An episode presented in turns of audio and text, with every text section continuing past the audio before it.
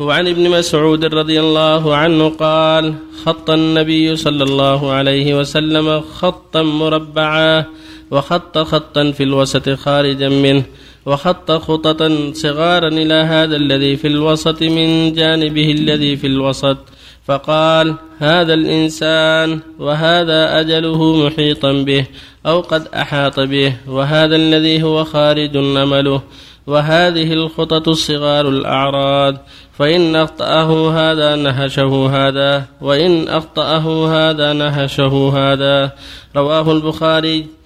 وعن أبي هريرة رضي الله عنه أن رسول الله صلى الله عليه وسلم قال بادروا بالأعمال سبعا. هل تنتظرون إلا فقرا منسيا أو غنى مطغيا أو مرضا مفسدا أو هرما مفندا أو موتا مجهزا أو الدجال فشر غائب ينتظر أو الساعة والساعة ودها وأمر.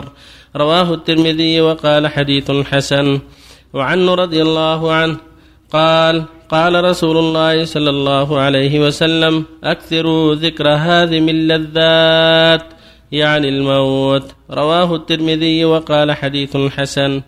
وعن أبي بن كعب رضي الله عنه كان رسول الله صلى الله عليه وسلم إذا ذهب ثلث الليل قام فقال يا أيها الناس اذكروا الله جاءت الراجفة تتبعها الرادفة. جاء الموت بما فيه.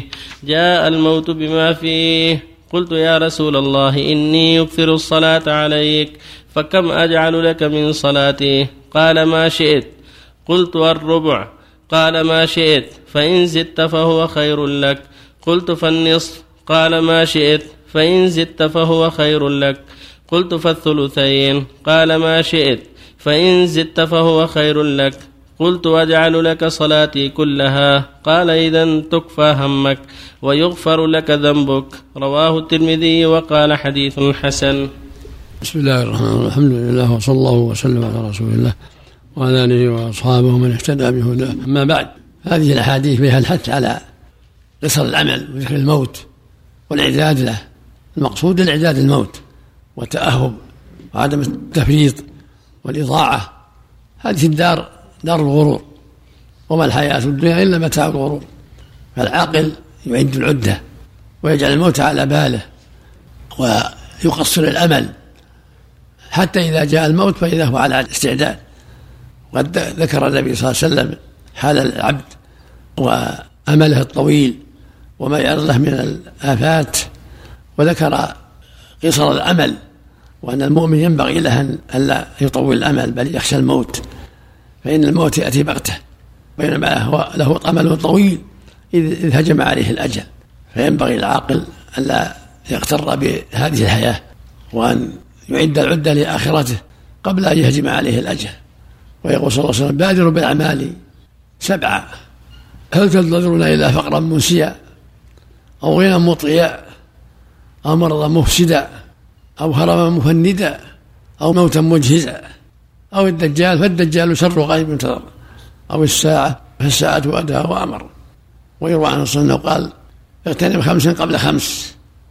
صحتك قبل مرضك. وحياتك قبل موتك. وفراغك قبل شغلك. وغناك قبل فقرك. وحياتك قبل موتك. فالمؤمن يحذر يعد عدة. ويغتنم فرص. لعله ينجو. لعله يسلم. لعله يهجم عليه. الأجل وقد أعد العدة. أما حديث أبي في سنده ضعف.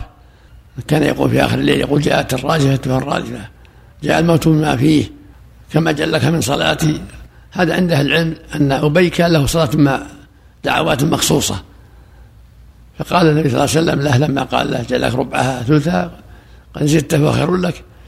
قال جلك صلاة كلها يعني دعائي. يعني وقت مخصص للدعاء أو أجعله صلاة عليك يا رسول الله. هذا لو صح الخبر هذا معناه يعني أن يجعل له وقت معين كله صلاة على النبي صلى الله عليه وسلم. يكثر من الصلاة عليه عليه الصلاة والسلام. وفق الله الجميع ما المقصود؟ هل تنتظرون إلا فقر منسي؟ يعني ما يدري الإنسان. قد ينزل بالفقر ينسي كل شيء. أو غنى يطغيه. أو مرض يفسد عليه قوته. أو موت ينجزه يعني جاهز يعني يعجل عليه الموت يعني يجب عليه الأجل. أو هرم يكبر يهنده وعاد يتمكن من العمل بسبب ضياع العقل. الله إليك والدجال؟ شر غائب ينتظر نعم إن شاء الله. خطره عظيم أقول خطره عظيم إذا حضر. نسال الله العافيه أحسن الله إليك أربع ركعات بعد صلاة العصر يجوز صلاتها لفعل صلى الله عليه وسلم تارة لا هذا خ... غيرها لا خاص من من النبي صلى الله عليه وسلم. رحم الله امرا صلى اربعا قبل العصر. أما بعدها لا هذا من خصائص النبي صلى الله عليه وسلم. الجنة بعد الأربعة هذه. هل يجوز أن يتنفل بأي تنفل آخر؟ من بغيره قبل الصلاة. إلا لو تلهف به ما في بأس. هذا مو بغس نهي. سم. هذا مهموم الله يرفع منزلتك ويجزاك الجنة ويسعدك بطاعته.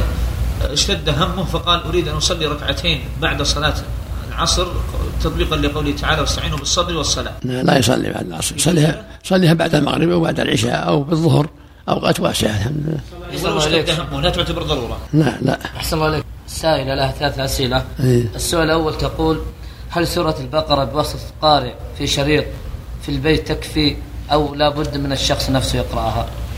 يرجع إن شاء الله يرجع عنها إذا. السؤال الثاني الله يحفظه إيه.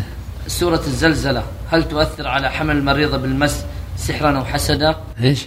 سورة الزلزلة. الشيء تقول أن أحد القراء قال إذا قرأت عليه تؤثر عليها في حملها. لا ما لها أصل.